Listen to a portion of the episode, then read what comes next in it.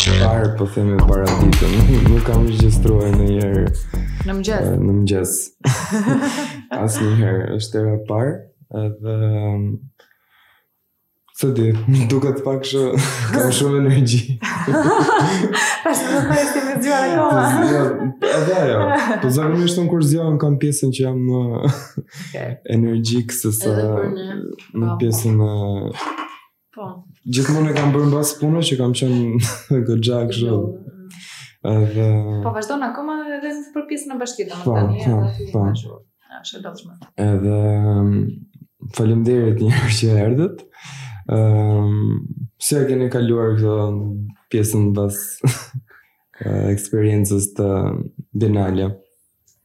Ëh, uh, faleminderit për ftesën. Okej, okay, pyetjet i kemi nisur.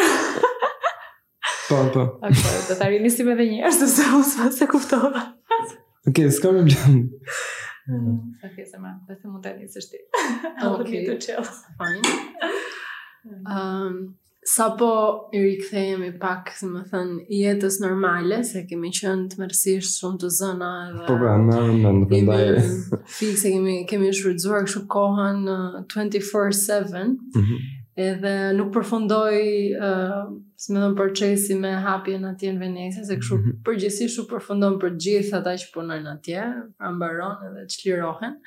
Po u kthyem këtu edhe punuam për këtë botimin, që Po. ishte praktikisht gjithë ajo që kemi pasur në mendje për për shumë muaj, ta hidhnim në letër bashkë me bashkëpunëtorë të tjerë edhe një shtysë e fundit, domethënë, edhe tani më në fund, pas të enjtes që ishte lançimi, po. mund themi që jemi të çliruar. Do të vendin këtulla që ishte për botimin. Mm -hmm, pa. Po. Uh, po procesi, domethënë, pak a shumë gjatë uh, për ndërtimin e paviljonit, ose, domethënë, ju bëtë një konkurrim, me disa arkitektë të tjerë dhe e fituat. Domethënë nga ajo pika që fituat deri tek uh, hapja e paviljonit. Ça, kush është procesi pak a shumë si... Në fakt, përgjithsisht, uh, procesi zgjat rreth 6 muaj, mm -hmm. uh, lançohet uh, konkursi i hapur nga Ministria e Kulturës, dhe më pas uh, përzgjidhet po themi skuadra e cila zgjidhet nga një juri ndërkombëtare. Dhe skuadra ka kohë ë uh, po themi 3 deri në 4 muaj në fakt për ta organizuar të gjithë uh, të gjithë procesin, për të organizuar idenë, uh, materialet se si do ndërtohet ky pavilion aty, sepse sigurisht ekspozita bëhet në Venecia dhe çdo gjë transportohet apo ndërtohet aty. Por për fatin tonë të mirë dhe të keq, prej pandemisë eh, patëm një shtyrje edhe njëvjeçare, që kështu po mhm. themi që kemi pasur edhe shumë më shumë kohë sigurisht të merremi edhe me botimin, por nga ana tjetër edhe kjo ë eh, kjo stepja, kjo koha na bëri dhe të rimendojmë shumë gjëra dhe pandemia vetë na bëri dhe ta ndryshojmë disi konceptin për mhm. shkak se masa të tjera u shtuan në Venecia. Dhe uh, po themi që ka qenë fakt një një vit e gjysmë punë intensive, të paktën mendërisht, domethënë të të po. mban të lidhur gjithmonë duke pyetur veten që a, a kemi arritur mhm. atë mhm. maksimumin apo ka ende për t'u shtuar. Dhe si proces më pas, po themi që rreth 2 muaj përpara hapjes e cila ndodh në maj, ekspozita qëndron 6 muaj e hapur nga maji në nëntor, dhe rreth 2 muaj përpara pothuajse të gjitha skuadrat spostohen në Venecia në Itali dhe fillojnë aty dhe ndërtojnë eh, instalacionet e tyre. Domethënë dy muaj përpara eh, arkitektët si me thënë shkojnë në shkojnë në vend po, po. dhe fillon ndërtimi. Dhe ne këtë, eh, këtë kemi bërë, ne jemi në fakt 4 um, ehm, um, ehm, skuadra përbëhet prej katër po. vajzave. Ë uh, kemi dhe uh, përveçse Fiona dhe unë kemi dhe uh, Malvinën edhe Rudinën. Dhe u munduam që edhe këtë pjesën e Italisë po prapë ta organizojmë që të jemi aty njëra pas tjetrës për të ndjekur edhe punimet, po edhe edhe gjithë procesin. Dhe sigurisht në fund u mblodhëm grupi për të bërë inaugurimin. Po, dhe inaugurimi konsiston në So nuk kam qenë ndonjëherë, domethënë, domethënë, ma shpjegon kështu, for dummies. Bienalja praktikisht është një, si me thënë, një institucion që këtë organizon për arkitekturën çdo dy vite dhe procesi është i tillë që ftohen të gjithë, ftohen arkitektë dhe ftohen shtete të të marrin pjesë ka dy hapësira shumë të mëdha në qytet. Njëra është Arsenale dhe tjetra është Xhardini. Në Xhardini ka ndërtesa që këtu e 100 vjet përpara janë ndërtuar nga shtete të të ndryshme, pra ata i kanë të tyret. Kurse në Arsenale ka qenë zona ku ndërtoheshin, riparoheshin anijet në Venecia dhe sot ripërdoret si pavijone nga shtetet kryesisht, por një zonë e madhe e saj dhe nga shtetet që s'kan ndërtesa. Okay. Pra këto janë kryesisht shtete të Europës Lindore ose shtete të kontinenteve të tjera, po. për shembull të Afrikës ose të Arabisë, Azia, ka shumë që janë në këtë në këtë zonë. Por pra në këtë mënyrë pak a shumë shfrytëzohet, njëra nga këto pjesë të Arsenales është edhe për ekspozitën qendrore quhet dhe ka thjesht studio arkitekture të ftuara për të bërë instalacione të vogla. pra dy dy pjesë të mëdha të ekspozitës janë ekspozita qendrore kurohet këtë vit është kuruar nga Hashim Sarkis, që është dekani i MIT-së, i arkitekturës, dhe pastaj janë 60 shtete të tjera, një 61 në fakt, një prej cilave jemi ne, të cilat janë shpërndarë në këto në këto dy zona. Dhe uh, kjo pjesa e kantierit, pra të mëparshëm, ka shtete që kanë shkuar kohë përpara, se sa më shumë hapsir të kesh, aq më shumë do ndërtosh, dhe duhet të qëndrosh aty shumë më gjatë, ka shumë shtete shpallet uh, kuratori për shembull dhe një vit ose dy vite përpara zakonisht, që të ketë kohë po. për t'u përgatitur. Po, kjo pjesa përpara e punës është shumë shumë interesante, domethënë, sepse njihesh me të gjithë uh, homologët, po themi, po. dhe uh, edhe sheh ndërkohë që përpunohen, uh, uh, pra ndërtohen instalacionet, kemi mundësi të, të komunikosh, flasësh dhe dhe ka qenë një eksperiencë shumë e bukur për hir të së vërtetës, pavarësisht se ishte Venecia shumë, shumë e mërzitshme këtë herë se kishte po. shumë pak njerëz. Ishte të gjithë me maska, ishte pandemia. Po. Po, Në atje e zbatojnë kështu regullat. Me siguri shumë. shumë. Dhe... Janë dhe njerëzit kam parë që janë shumë përgjegjshëm. Po, po, po. Pra ne duhet të përdornim një lloj specifik, pra këto këto maska që janë me filtr shumë për të rimë, që nuk mund të përdornim lloj-lloj maskash. Ata ah, do ta mbanim po teste na bënin shumë shumë shpesh, kështu që jemi ndjerë të sigurt po them, po. ndërkohë as nuk e shijoje po themi dot tërë atë. Eksperiencë. Me sa kam lexuar kishte edhe disa shtete që nuk morën dot pjesë apo kam mhm. gabim. Mm -hmm. Kishte disa të cilat u tërhoqën sigurisht për shkak të pandemisë, shumë shtete rindanë buxhetet mm -hmm. për t'u përballur me krizave dhe dhe shtete të mëdha për shembull si Kina mm -hmm. do ta hapi uh, pavilionin e saj në fund të gushtit që i bie do ta hapi me 3 muaj vonesë dhe do të qëndrojë hapur thjesht 3 muaj. Edhe dërgesat, me sa kuptuam ne, ishin problem shumë i madh për anijet dhe për të lëvizur, po themi pjesë të materialeve. Pak zgjidhja jonë ne u treguam disi praktike, duke marrë parasysh edhe këtë problemin e dërgimit të materialeve dhe vonesave që qëndrojnë dhe aty.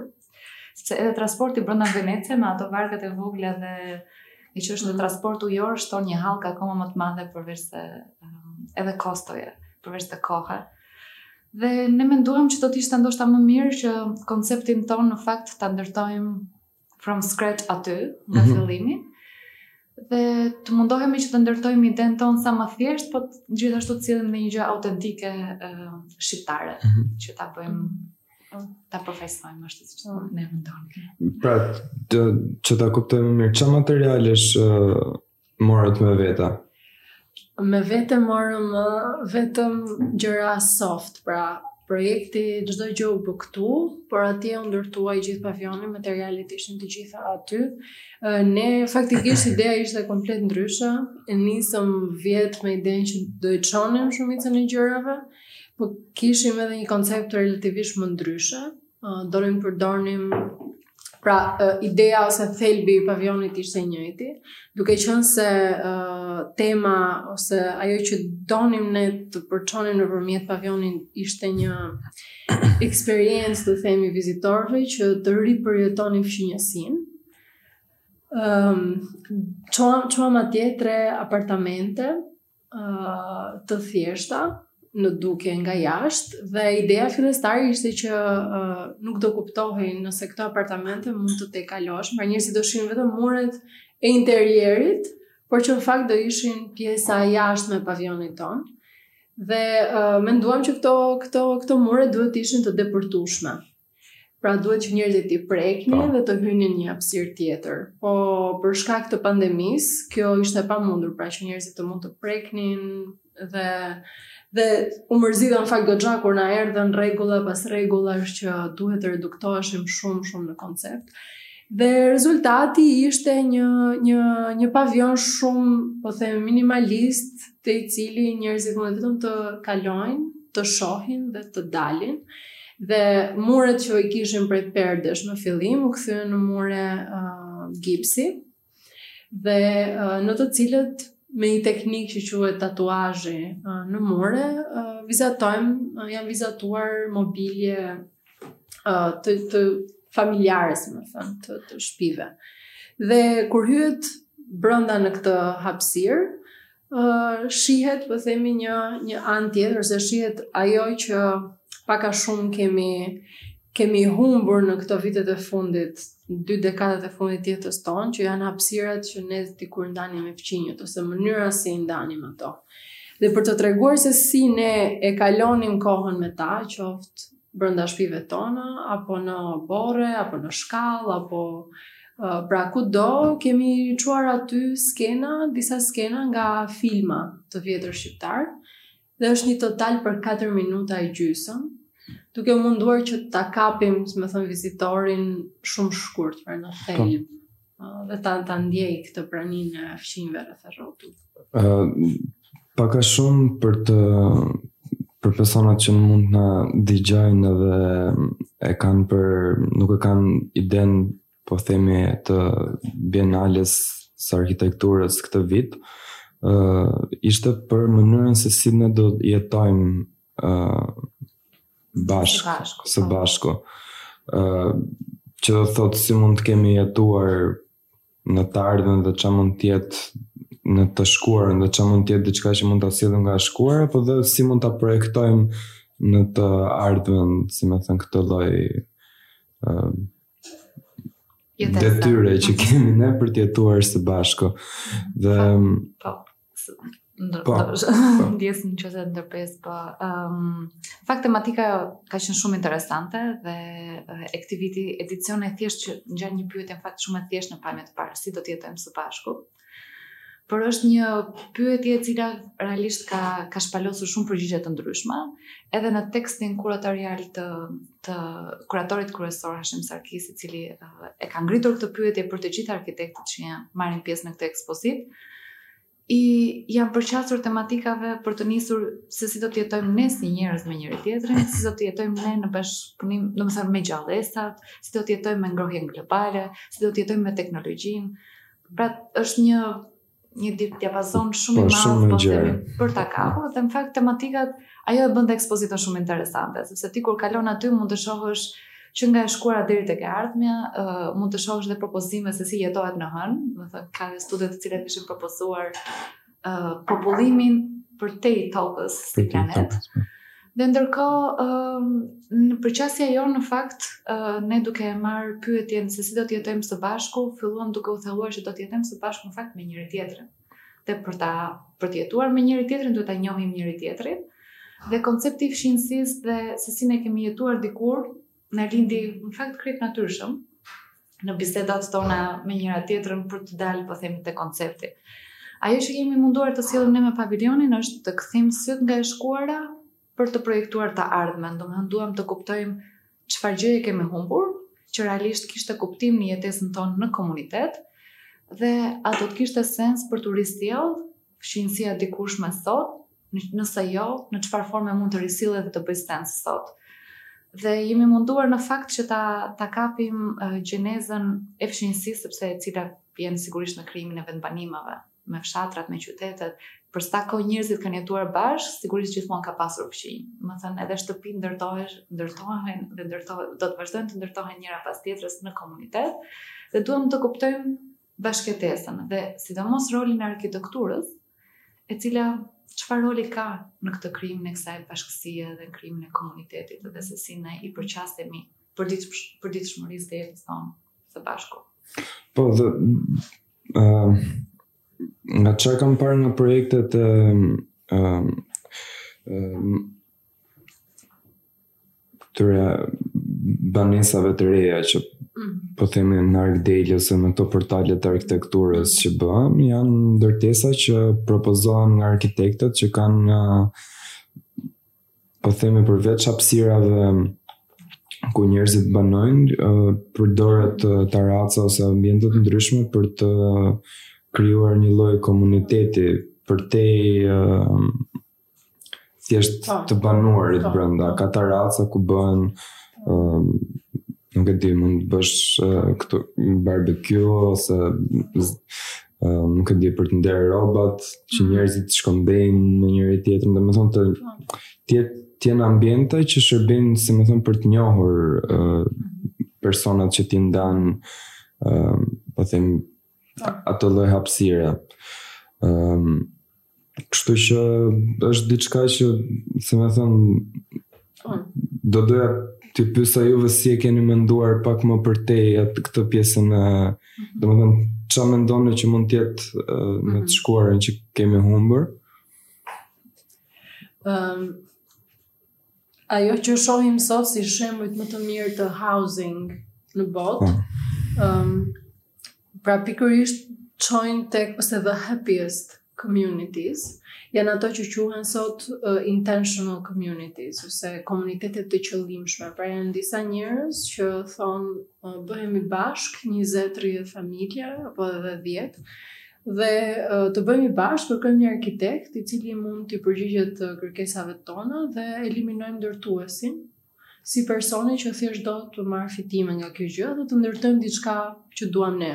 Këta mund të jenë miq, mund të mos jenë, janë thjesht njerëz që duan që fëmijët e tyre të ndihen sigurt, duan që të ndihen se i përkasin i përkasin një vendi të kenë të kenë një një një lidhje më të fortë me me me, me vendin ku jetojnë edhe të përdorin më shumë se sa thjesht apartamenti i tyre. Uh, kjo vjen edhe për arsye ndoshta edhe uh, ekonomike ose lifestyle-it të ndryshëm tashmë që njerëzit mund të përdorin një kuzhinë përbashkët sepse të pasurit ndoshta një kuzhinë uh, po themi të madhe tënden mund mund mos jetë e nevojshme. Ëm um, ose uh, të kenë një kopsht pak më privat, por prap pra është shumë gjysmë privat. Dhe pra këto këto po i shohim nëpër botë gjithmonë si shembuj gjithmonë më të mirë dhe shtetet më të zhvilluara nga ana sociale po shkojnë drejt kësaj skeme, pra dhe dhe vet institucionet po themi shtetërore i mbështesin shumë këto skema dhe nga pikëpamja financiare dhe duke i dhënë prioritet për t'u dhënë leje ndërtimi e kështu me radhë. Kështu që kjo është diçka shumë interesante që ne jemi të vërtetë shumë larg uh, sot në Shqipëri në këtë në këtë koncept.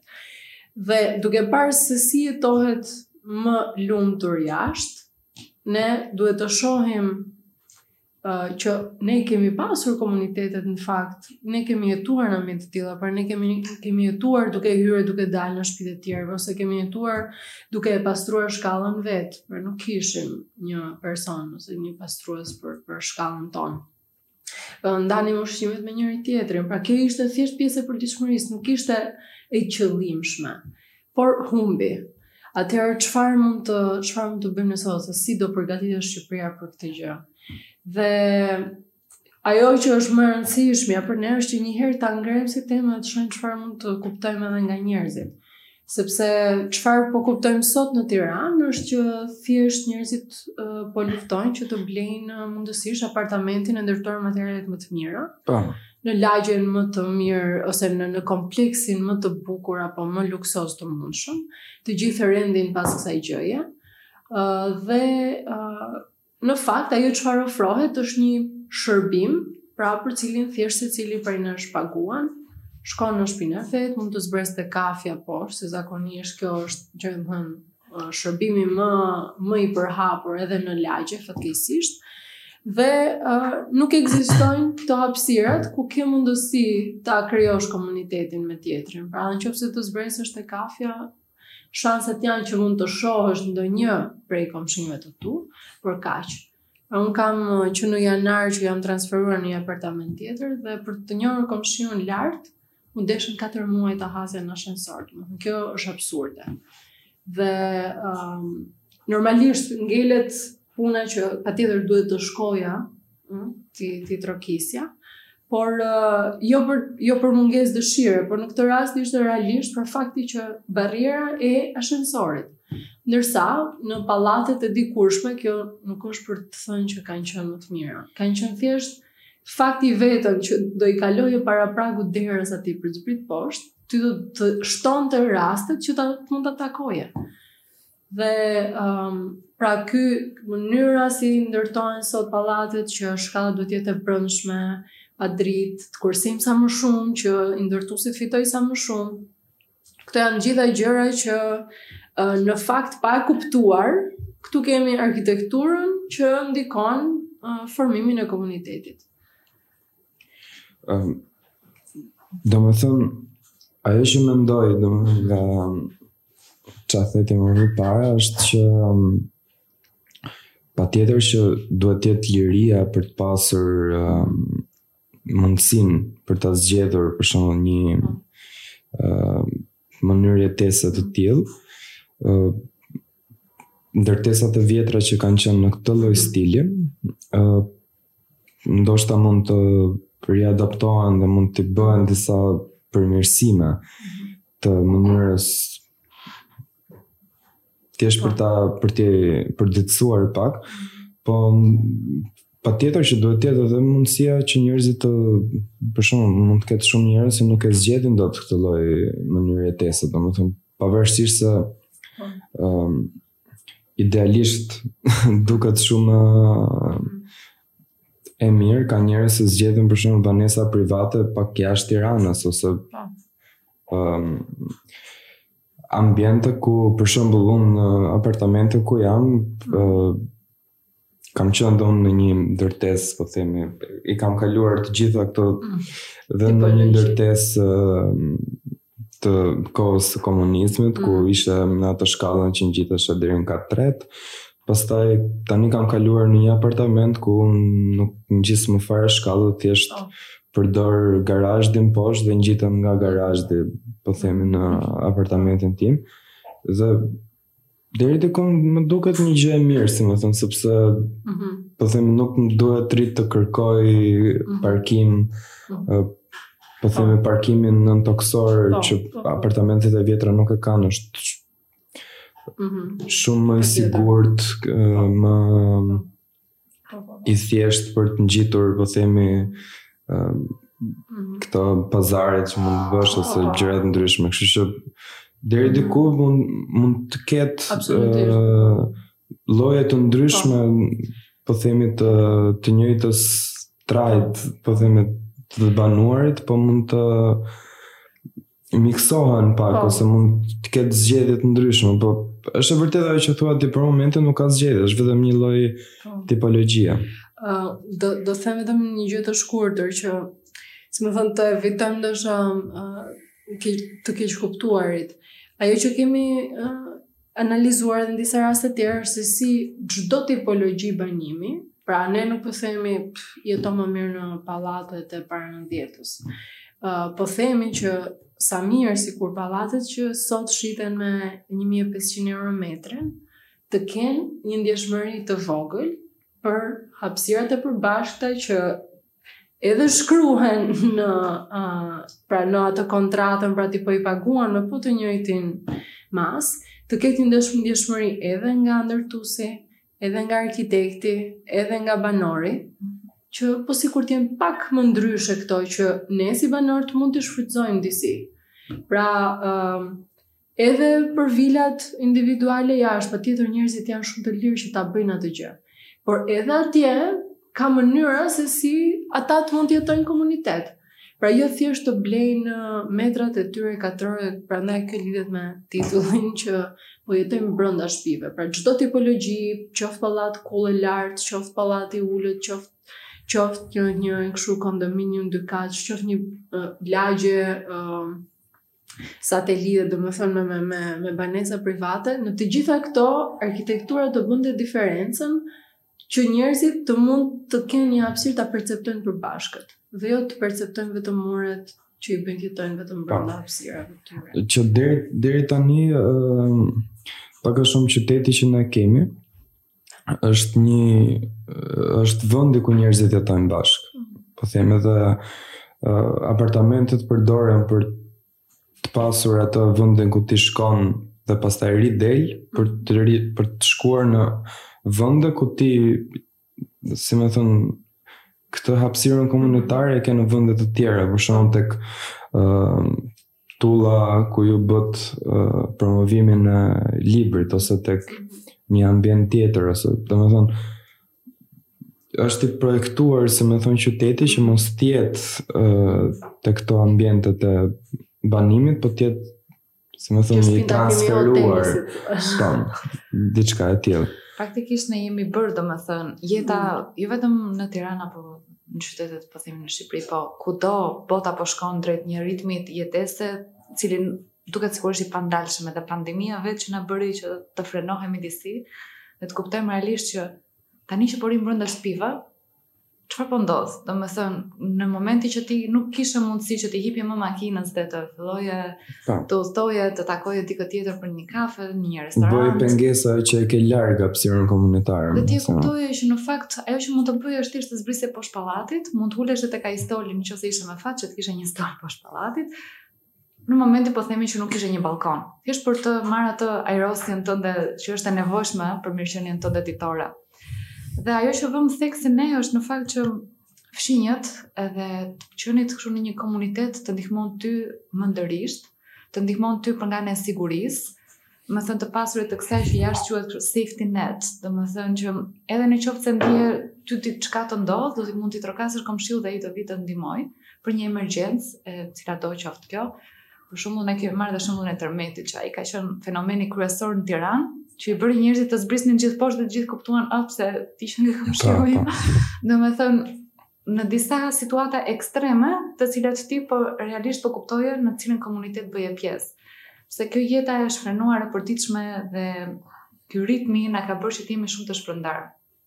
Ajo që po themi ne është të rikthejmë edhe një herë vëmendjen te komuniteti që ta ndryshojmë, siç e duan vetë banorët. Mm. Për shembull, në qoftë se unë do doja të bëja diçka përpara pallatit tim, shoh që aty është një hapësirë, po themi, e keqmenaxhuar, që mund të jetë e bllokuar nga makinat, nga një, një lloj, ku di, situata nga më të ndryshme të cilat ndodhin në qytet, Në qoftë se unë nuk do njihja komshiun sipër, komshiun poshtë dhe të fillonim një bisedë që ne të ngrinim po themi zërin për këtë ndryshim, Atëherë ndryshimi ndoshta nuk vjen kurrë, sepse duhet që e, ne presim tani që të na vijë bashkia, na vijë nuk e di një projekt tjetër që të na i ndryshojë. Nuk vjen asnjëherë ndryshimi nga poshtë ose ndryshimi nga ti si banor që të ngresh zërin dhe të kërkosh të drejtat. Ne ende jemi një shoqëri e cila e mendojmë veten shumë të shtypur në fakt dhe nuk e konceptojmë që në fakt po themi institucionet duhet punojnë për ne, domethënë, po paguhen me taksat tona dhe ne jemi ata të cilët mund t'i kërkojmë këto të drejta. Mm.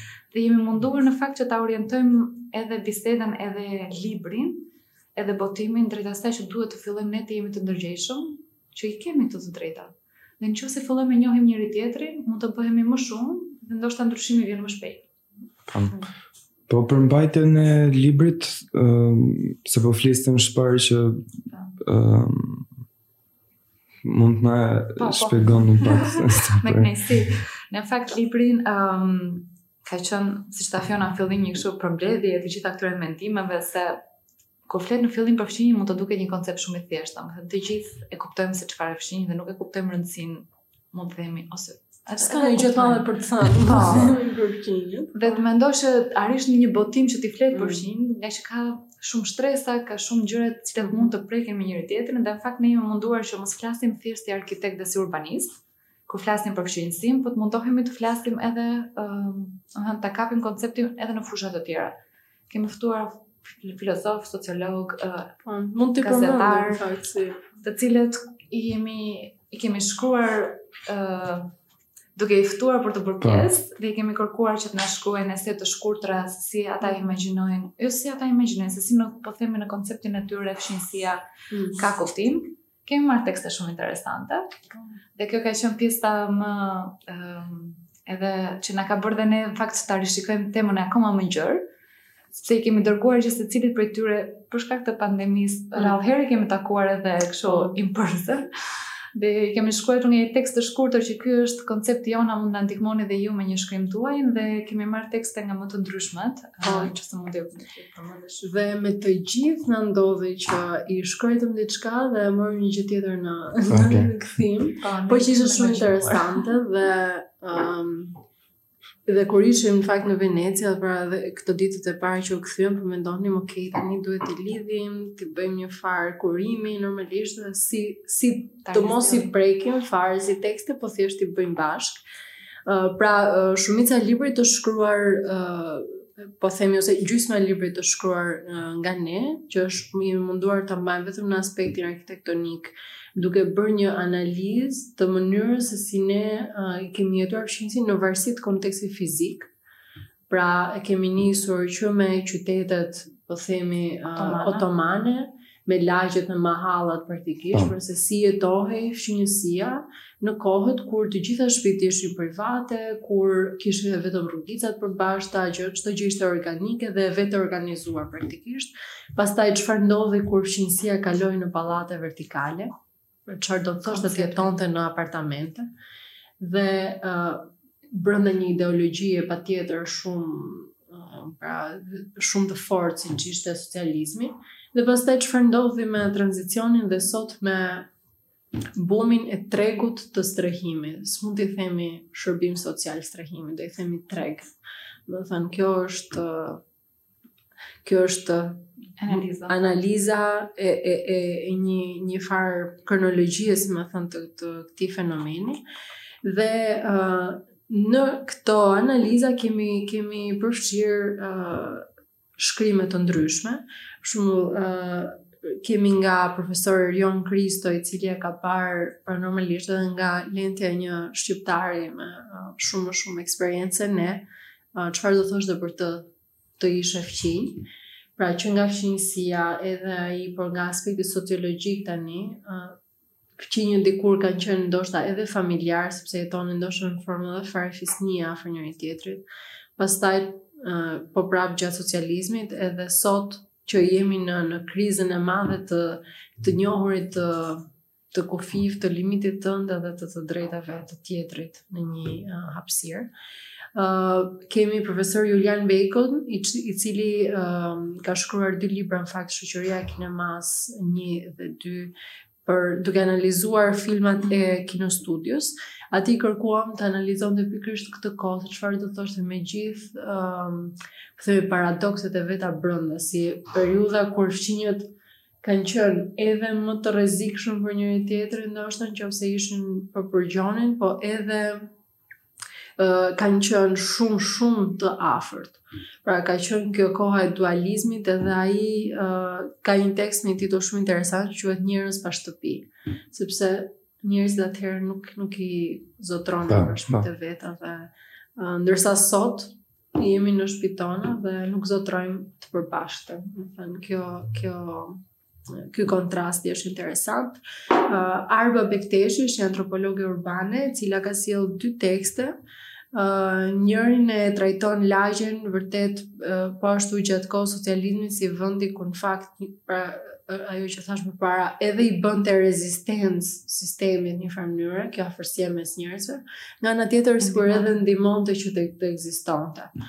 Uh, por edhe uh, ka shkruar për një lagje shumë interesante ku uh, mund të shihet sot, po themi, ajo um, uh, fqinjësia apo uh, afërsia apo solidariteti dhe është një lagje interesante tek Kinostudio, Uh, me shpi uh, me shpi të vogla ose këto pallate të vogla dykatëshe. Po, po. Nuk e di. Që janë me katër apartamente mm -hmm. Po, janë po. shumë të vegjël. Po, kam po. jetuar edhe unë në një nga ata. Ah. Po. Dhe interesante aty ka dhe disa foto shumë të mira në libër që tregon si njerëzit uh, vënë dhe lavatriçen te hapësira e përbashkët. Domethënë në qoftë se sot pra një, një pjese tonë na duket absurde që të na uzurpojnë aty korridorin. Por ajo për ne është edhe për Arbën, është një shenjë e të jetuarit në shpi të hapur, pra të jetuarit të paturit besim te tjetri dhe të respektuarit në fakt e të jetuarit bashkë. Um, më pas kemi një dëshmi nga Blendi Salaj uh, për pallatin ku ai jeton. Uh, kemi një tekst për shkallën e lumturisë nga Egin Zeka që është urbanist i cili ka është rritur në një fshat ka është shkolluar në Stamboll në një qytet metropolitan edhe sot jeton në Tiranë dhe ka bërë një krahasim të këtyre shkallëve si ishte fqinjësia në këto tre uh, uh, kontekste. Um, kemi një shkrim nga Julian Beqiri dhe ai arkitekt i cili ka sjellë um, nga a themi nga jetesa e tij dhe nga eksperienca e tij e gjatë në në Holandë një në disa disa mënyra se si andej mundet ose është trajtuar komuniteti dhe fqinjësia që të uh, funksionojë më mirë. Një prej tyre është uh, janë është një kompleks i tillë uh, pra i komuniteteve të qëllimshme dhe kemi uh, një tekst nga profesor Artan Fuga, i cili jep në këndvështrimin e tij se çfarë do të thotë të uh, eliminojmë këtë tabun e të quajturit e gjërave private në Shqipëri dhe uh, si do t'i dukej atij nëse në pallatin e do kishim një hapësirë përbashkët të gjithë. Um, pra mundohemi ta trajtojmë ajo e bukura ishte se sa më shumë lexonim, shkruanim, merrnim tekste, aq më shumë kuptonim që kjo temë nuk mund të ezaurohet kurrë. Po është pak ka është sa e, po. sa e thjeshtë aq aq është realisht dhe komplekse dhe ka shumë uh, ka shumë fusha që analizojnë, po qoftë thjesht nga pikëpamja filozofike duke u abstraguar fare, deri te ana më fizike e shërimit. Ndoshta mund të jetë pak më e thjeshtë për shembull të flasësh për bashkëjetesën me faleminderit. Ëh, uh, midis kafshëve dhe njerëzve, sa njerëzve vetë me njëri-tjetrin, ndoshta ato që kanë trajtuar këtë ndoshta kanë pas pak më të thjeshtë. Sesa, sesa jo. Kështu që keni bërë ndoshta një gjë pak më të vështirë se sa të tjerët. Edhe që u nisëm për thjesht, u nisëm për po. thjesht, fiksëm, që nga shumë e vështirë. Duhet të jetë më, po, kam vështirë ndoshta më komplekse se njerëzit vetë janë më kompleks po. se sa. Po, po, po. Ehm, Unë ju falenderoj shumë që erdhët sot këtu me ne, nuk e di në qoftë se doni të shtoni më diçka tjetër. Jo, në fakt mund të gjejmë thjesht rastin që të falenderojmë se gjatë kësaj periudhe kemi bërë dhe një thirrje për njerëz të cilët donin të ndanin kujtimet e tyre me dhe historitë e tyre me fqinjët. Dhe në fakt disa prej tyre i kemi bërë dhe kartolina, dhe i kemi shpërndarë edhe në, në Itali edhe këtu në evente. Dhe gjejmë rastin që t'i falenderojmë këdo që ka gjetur pak kohë dhe mm. na ka shkruar dhe na ka dërguar një foto apo një histori, të cilat janë bërë pjesë të albumit po. tonë dhe pjesë të publikimit po. dhe instalacionit. Po, këtë thirrje në fakt e lëm të hapur deri në fund të nëntorit, ne kemi një website që është inourhome.al dhe uh, këtu do ta hedhim edhe botimin, se qëllimi jonë është që të lexohet nga sa më shumë njerëz, pra jo thjesht kopjet ishin të limituara se aq është buxheti jonë por uh, duam që të gjithë të mund ta lexojnë dhe uh, gjithashtu edhe të na shtohen këto dëshmitë në në në në website. Kështu që jemi të hapur. Urojmë që edhe sa më shumë të kenë mundësinë tani që po lirohen pak po. Uh, hyrje daljet në shtete të kenë mundësinë ta vizitojnë uh, bienalen. Sepse është vërtet, sidomos për arkitektët është uh, një eksperiment. është një must për të shkuar. Ta mendoj edhe unë. Edhe vërtet do kënaqesh. Shumë faleminderit. Faleminderit ju. Faleminderit shumë. Nëse ju pëlqeu episodi i fundit ose nëse ju ka pëlqyer edhe episode të tjera, na bëni subscribe nëse keni harruar në kanalin tonë në YouTube ose në Spotify prapë me emrin Tipar Zanor. Do të dëgjohemi në seri të tjera.